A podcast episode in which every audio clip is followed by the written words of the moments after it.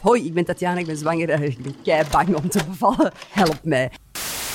Welkom bij de derde aflevering van Tussen Was en Plas, de podcast van Parentia, waarin we praten met een bekende ouder en een expert over het leven als ouder. Deze podcast is opgedeeld in vijf delen rond vijf herkenbare onderwerpen. Je kunt elke aflevering afzonderlijk beluisteren als een soort van zenmoment tussen de was en de plas. En bij mij zitten nog altijd actrice en mama Tatjana Beloy en gynaecologe en ook mama Lore Lano. Uh, Tatjana, nog even terugkomen op jouw zwangerschap. Ja, jij hebt natuurlijk een heel drukke job en je doet ook heel veel verschillende dingen. Hoe was het om werken en zwanger zijn te combineren? Um, omdat de zwangerschap goed ging, viel dat wel mee.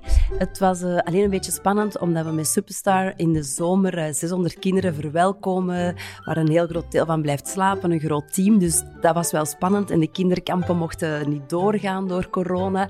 En ik weet toen dat ze op het journaal zeiden van de jeugdkampen mogen doorgaan, mijn eerste wee gekregen. Dus ik denk dat ik mijn soort van stress had van hoe gaan we dat er allemaal doen? En ik heb een fantastisch team dat heel veel heeft overgenomen. Want ik zei ook van, uh, ja jongens, tijdens de bevalling en in de weken daarna, denk, gebruik jullie gezond verstand. Want ik, ik ga, ja, ik vergat ook heel veel. ik weet dat dat kwam en dacht, wat moeten we nog doen? Zij hebben al gedaan. Ik dacht, ah ja, dat was het echt een of ander kwaaltje dat ik had. Dat ik echt dingen... Ja, is dat normaal, Loren? Ja, Loren, ja. Dat, zwangerschapsdementie, het dat bestaat. echt. Dat ah. bestaat echt, ja. ja dat, is ook zo. Echt dat hebben we toch al gedaan? Omdat dat is toch al in orde? Ah, dank u. Dus um, ja, het was nog alerter zijn en ik heb ook dingen losgelaten en ik dacht, het komt wel goed. En ik was heel blij dat de kampen mochten doorgaan, want dat is toch zo mijn ander babytje dat ik heel goed wil doen altijd in de zomervakantie. Dus dat was niet gemakkelijk, maar dat ging wel, ja. Typisch voor iemand die onderneemt is alles zeer planmatig willen aanpakken. Mhm. Geldt dat dan ook voor de hele voorbereiding van je zwangerschap, je bevalling, wat erna ook heel strikt en planmatig? Goh, um, ik heb bepaalde dingen moeten loslaten, omdat ja, ik, ik, mijn baby, ik dacht die gaat zeker vroeger komen die was uitgerekend 15 mei, 16, 17, 18, 19, 20. Die kwam nog altijd niet. Dus ik dacht, oei. Um, dus het is los te laten. En ik heb mij um, heel goed proberen voor te bereiden. Ik heb heel veel gelezen. Op een gegeven moment ben ik dan gestopt met alles te lezen. Um, dan wou ik terug veel informatie. Dus je bereidt je voor waar je kan. op een gegeven moment begon ik soepjes te maken in de intervries. Dat ik dacht, dan heb ik vers eten. En er komt zoveel op je af. Ik, ik ja, ik heb geen enkel boek dat ik denk, ah, zo moeten u voorbereiden. Hier staat alles in. Um, ze hadden gezegd, koop je kleren zeker wat groter. Hè. Ik had dan in het begin allemaal te grote kleren. Dat ik dacht, dat kind toch arm, maar dat zit er in te grote body's. Mijn man naar de winkel gestuurd voor... Ik dacht, waarom zeggen die dat? Koop te grote kleren. Je moet gewoon kleren hebben die passen, maar je weet niet hoe groot dat die is. Dus, oh, ik weet het niet. Dat voorbereiden... Um, ik heb mijn best gedaan, maar er kwam zoveel op mij af. En ja, dat vond ik toch moeilijk allemaal. Lore, ik zie jou knikken. Ja, dat, dat is het natuurlijk. Hè. Er komt gewoon veel op je af. Hè. Ja, ik denk dat dat sowieso mama en papa worden, dat dat een, een sprong is in het in het leren loslaten. Mm omdat je ervoor waarschijnlijk... Allee, vele mensen hebben een geordend, gepland leven waar dat heel weinig onverwachtheden meestal tussenkomen. Maar één keer dat je begint aan een zwangerschap, een bevalling en daarna een kindje, word je bijna elke dag met onverwachte mhm. dingen geconfronteerd. Dus je, je, je, moet je, je kan je goed voorbereiden, maar je bent nooit helemaal voorbereid, zeg ik altijd. Uh, het is een stukje op je af laten komen en veel loslaten. ja. Een van de keuzes die jullie hadden gemaakt, Tatjana, dat was een natuurlijke bevalling mhm. en een bevalling thuis. Mhm. Daar is wel een en ander aan voorbereiding aan te pas gekomen. Ja, dat is veel communicatie. Ik ben ook iemand die visualiseert. Dus ik had het echt allemaal in mijn hoofd het ging zijn. En normaal gaat dat altijd. En bij een bevalling, of bij, dat is iets, ja, dat moet ik loslaten. Ik weet nog heel goed dat ik affirmaties had van het gaat vlot gaan, het gaat goed gaan, het, dat gaat positief zijn, dat gaat niet lang duren. En er is een foto dat mijn man heeft genomen. Die affirmaties lagen naast mijn bed, dat mijn voeten daarop staan, dat ik echt wee zit op te vangen, dat het al zo lang duurde. Dus alles wat ik in gedachten had, was niet zo. En dat is eigenlijk een heel grappige foto dat ik, ik zit af te zien mijn voet op dat blad van het gaat vlot, het gaat goed. En dat was niet zo. Maar dat heeft mij wel geholpen tijdens de zwangerschap, die positieve mindset. Um, dus voilà, het loopt anders. En dat is dan ook weer een ervaring geweest. Maar effectief, we hadden een, een zwembadje staan, want ik wou in een bevallingszwembad staan. Matjes op de grond, uh, muziek. Ik had een playlist van muziek dat ik wou maken. Dus alles was in het begin heel zen en een beetje hippie, denk ik, zo dat wij het wouden. En, dat en waarom wou je het zo? Waarom wou je natuurlijk bevallen thuis? Ik was bang van ziekenhuizen door COVID. Ik had geen zin in... Uh, ik was vooral bang om te bevallen met mondmasker op. Ik dacht, ademhaling is zoiets belangrijk, is zoiets... Ja, dat je... Dat je ja, ademen tijdens, tijdens het bevallen, ademen gewoon, is het belangrijkste. En ik dacht, mijn mondmasker op, dat gaat mij helemaal vastzitten of zo. En ik was ook doodsbang dat de Conrad, mijn man, dat hij er niet mocht bij zijn, dat er iets ging zijn of dat hij uit de kamer werd gestuurd. Dus ik wou dat echt samen beleven. En vandaar dat ik dacht, laat ons gerust, laat ons het samen in ons huis doen hier is het veilig. Dat was mijn insteek, ja. Merken jullie dat nog bij mensen, Lore, dat er een soort angst is nu om naar het ziekenhuis te komen om te bevallen?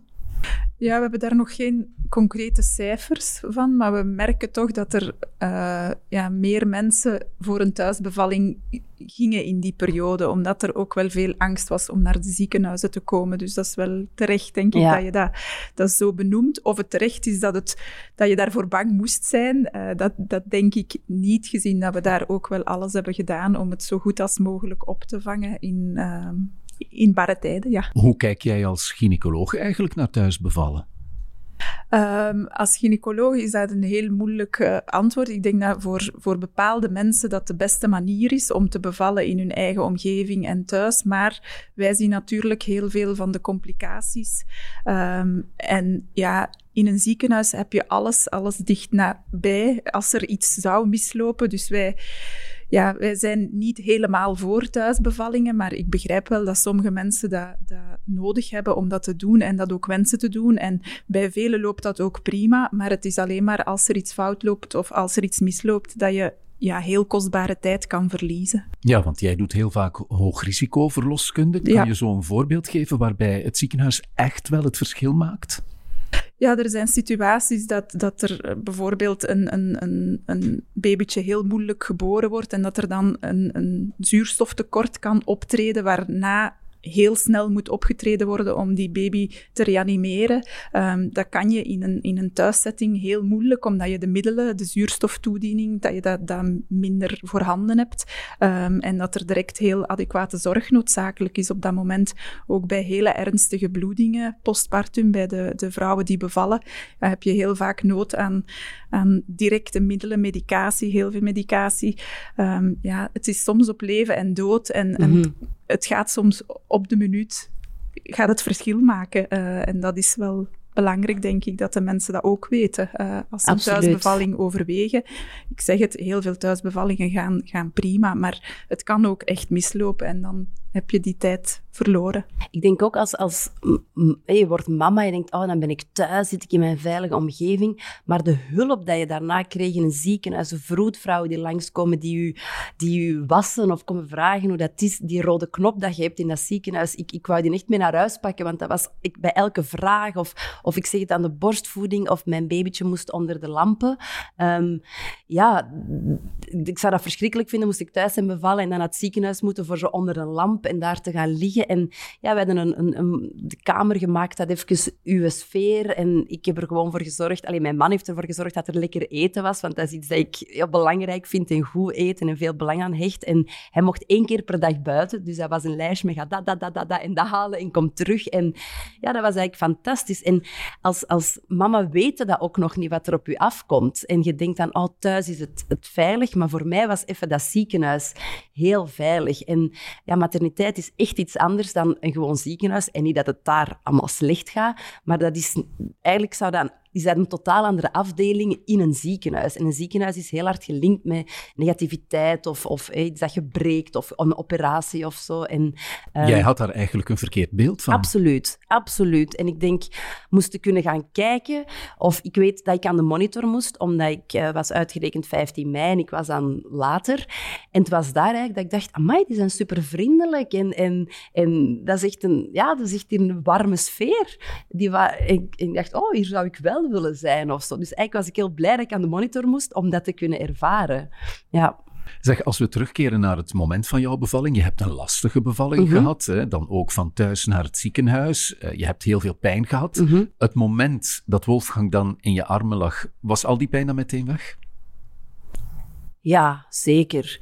Ik, heb, ik, ik vond de weeën heel zwaar. Het, het persen, dat vond ik echt ongelooflijk. Ja, ik weet ik vond dat echt, die weeën, denk oh, dat doet echt zeer. Ik was ook heel benieuwd. Ik heb dat duizend keer gegoogeld, hoe voelt een wee? En niemand kon mij dat zeggen. En ik zeg, kan iemand mij vertellen hoe dat een, een wee voelt? Ja, ja. En iedereen gaf een ander antwoord. Dacht, ja, ik voel niet, ik heb een wee, ik heb een wee. Totdat je die wee hebt. Die dacht, hier is ze. Dat is, ja, ik zou het ook niet kunnen uitleggen. En dacht, come on. En dan in het Engels en in alle talen, come on. Ergens moet dat toch, moet iemand mij dat toch kunnen zeggen.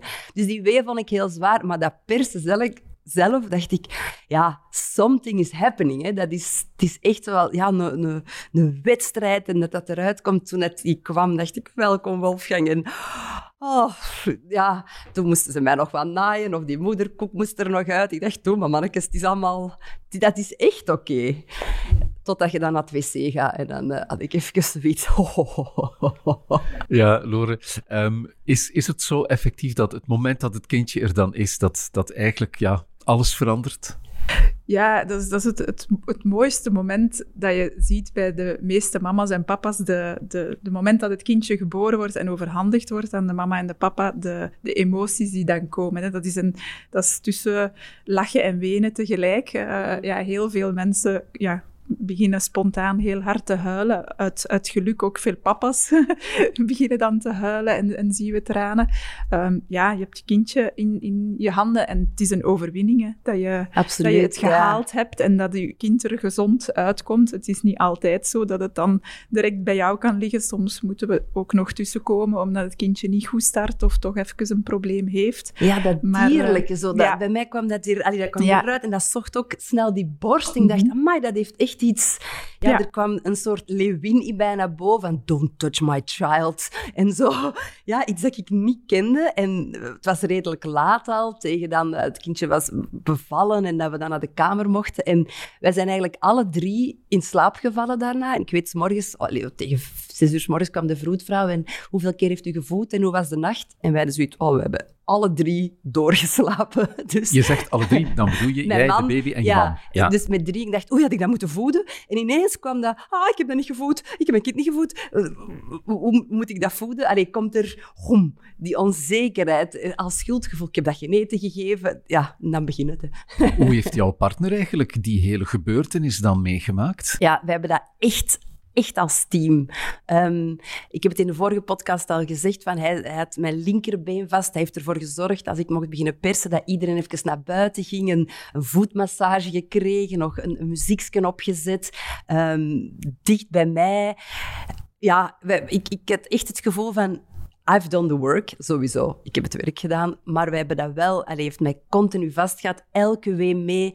Ja, dat was van vrijdagavond tot zondagavond eigenlijk zijn wij samen geweest en eh, met dextrol gegeven. Hier heb een hap pasta. Echt ervoor gezorgd dat ik mij goed voelde. Dus ja, ik, ik voelde mij heel team en, en verbonden. En die kan dat ook aan. Hè? Want ik hoor ook van sommige vrienden van, oh, ik moest op de gang. Of ik vond, ja, als man... Ik, allez, kan ik misschien aan jou vragen, want ik denk dat dat ook wel heftig is of zo. Maar die, ja, die kon dat allemaal goed aan, gelukkig. Ja, het- het, is heel heftig, vooral omdat in ons geval wij ook een, eh, een spoedkeizersnede hebben gehad, Mhm. omdat het, het leven van ons dochtertje hing eigenlijk aan een zijden draadje. En, en dat zijn toch heel spannende momenten, hè, Lore? Dat maken jullie heel vaak mee, hè, dat soort situaties. Ja, zeker. Dat, dat gebeurt wel dagdagelijks op het verloskwartier dat wij heel, heel snel moeten optreden. En dat is heel moeilijk, omdat je inderdaad, je hebt je, je mama die moet bevallen, waar dat je de uitleg aan moet geven, maar je hebt dan ook een papa die daar langs loopt, die dat je ook moet mee hebben, moet zien dat hij zich ook nog goed Mhm. voelt. Ehm, dus het is, het is wel soms heel heel snel dat we moeten zijn en heel veel uitleg op korte tijd. Uh, en je hebt ook niet veel tijd om uitleg te geven. Dus mhm. dat zijn soms wel hele moeilijke momenten voor de, de koppels om te verstaan wat is er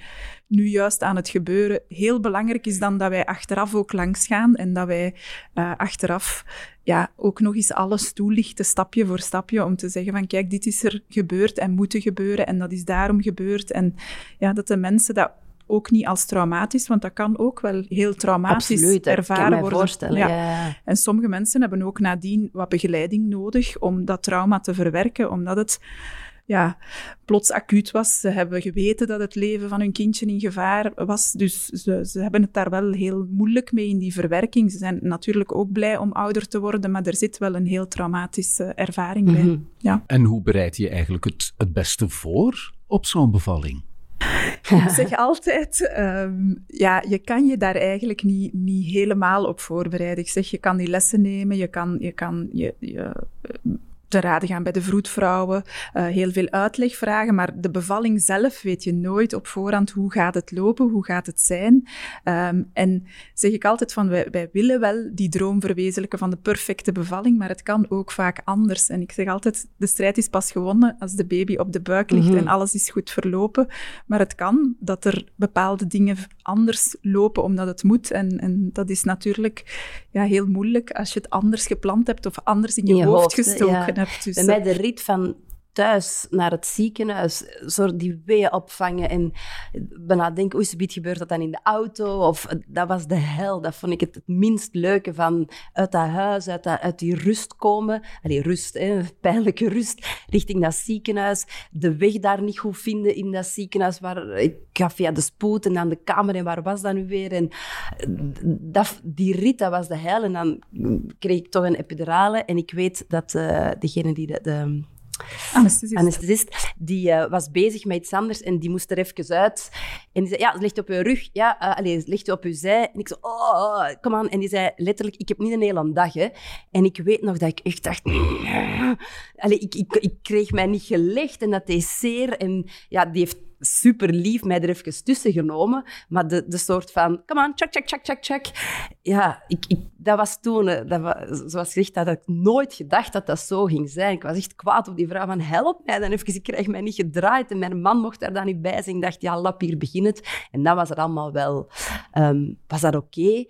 Um, maar ja, het loopt echt, kan echt anders lopen, hè. Ja, ja flexibiliteit is nodig, denk ik. Amai, ja. ja. Zeg, en na de bevalling, ja, jullie zijn dan heel blij, maar je hebt natuurlijk ook familie en vrienden die blij zijn voor jullie en die op mhm. bezoek willen komen. Maar dat wou je toch een beetje afhouden, hè? Ja, gelukkig was daar corona. um, ik zeg het, hoe dat mensen of vrouwen, mannen dat doen direct na een bevalling. Um, wij hadden sowieso al zoiets van, wij gaan dat heel rustig aandoen. En, en wij hebben dat ook pas later gezegd, denk op vier maanden, dat wij een kindje kregen, omdat we even dat voor ons ook wouden houden. En, en echt dat tussen ons, voordat er meningen en vragen en namen en dit en dat kwamen, hadden wij ook al beslist van met bevalling, we doen dat rustig. En ik vind dat een van de grootste voordelen van corona, dat we gewoon onder ons waren. Niemand mocht op de kamer. Um, ik had die rust even nodig. Allee, zeker. En daarna ook. En uiteraard um, had mijn mama en, en je kunt facetimen, maar dat is zoveel wat er gebeurt. Ik kan mij niet voorstellen dat er een kamer met vijf, zes man binnen en buiten, dat je daarna cadeaus moet meepakken of, of, of, of dat je kava moet uitschenken. Ik, ik, voor mij zouden ze dat mogen verbieden. Ik vind echt dat je rust moet nemen. Maar ik snap het natuurlijk. Je bent ook fier en je wilt, uh, zoals in de Leeuwenkoning, laten zien van kijk, dit is hem. Um, dat had ik ook natuurlijk. Maar ja, ik, ik, ik vond dat fantastisch, die rust. Lore, is die rust echt een noodzaak voor mama's die pas bevallen zijn?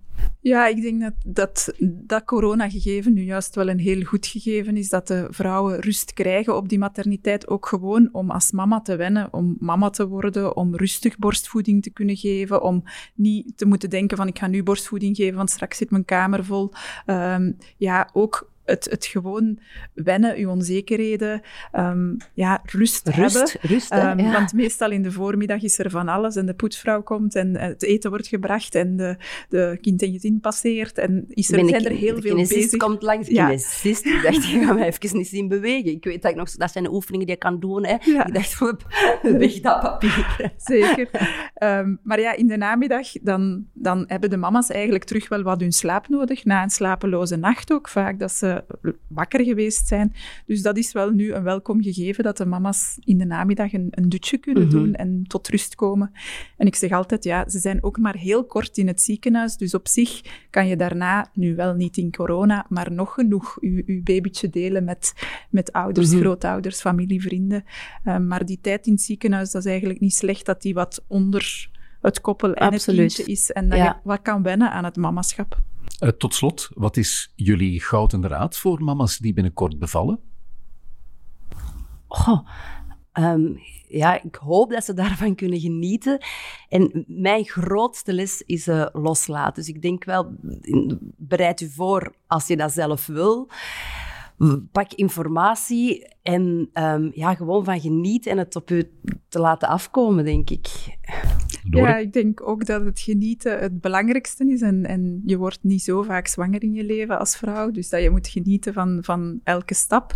Maar dat je ook moet durven je angsten uit te spreken tegen Absoluut. vroedvrouwen, tegen gynaecologen. Dat je moet durven vragen stellen. Ehm, dat al die onzekerheden of die, die, die twijfels dat je hebt, dat je die ook kan bespreken. En dat er, dat er inderdaad veel dingen dat je denkt dat, dat anders zullen zijn, dat je dat, dat kwijtraakt. Ehm, en je ja, geniet. Genieten. En zo zit het eh, derde deel van de podcast erop. Lore, voor jou was dit de laatste aflevering. Bedankt om je expertise en ervaringen met ons en met onze luisteraars te delen. Tatjana, jou horen we terug in het volgende deel, samen dan met neonatoloog Christine van Holen. Ik vertel er ook nog even bij dat Tussen Was en Plas mogelijk wordt gemaakt door kinderbijslagfonds Parentia. Bij hen kan je terecht voor een stipte uitbetaling van je startbedrag of kraamgeld en je groeipakket of kinderbijslag. Daarnaast helpen ze je graag met al je vragen over gezinsadministratie. Surf dus zeker eens naar de website parentia.be. Bedankt voor het luisteren en tot in het volgende deel. Parentia. Vanaf het begin bij elk gezin.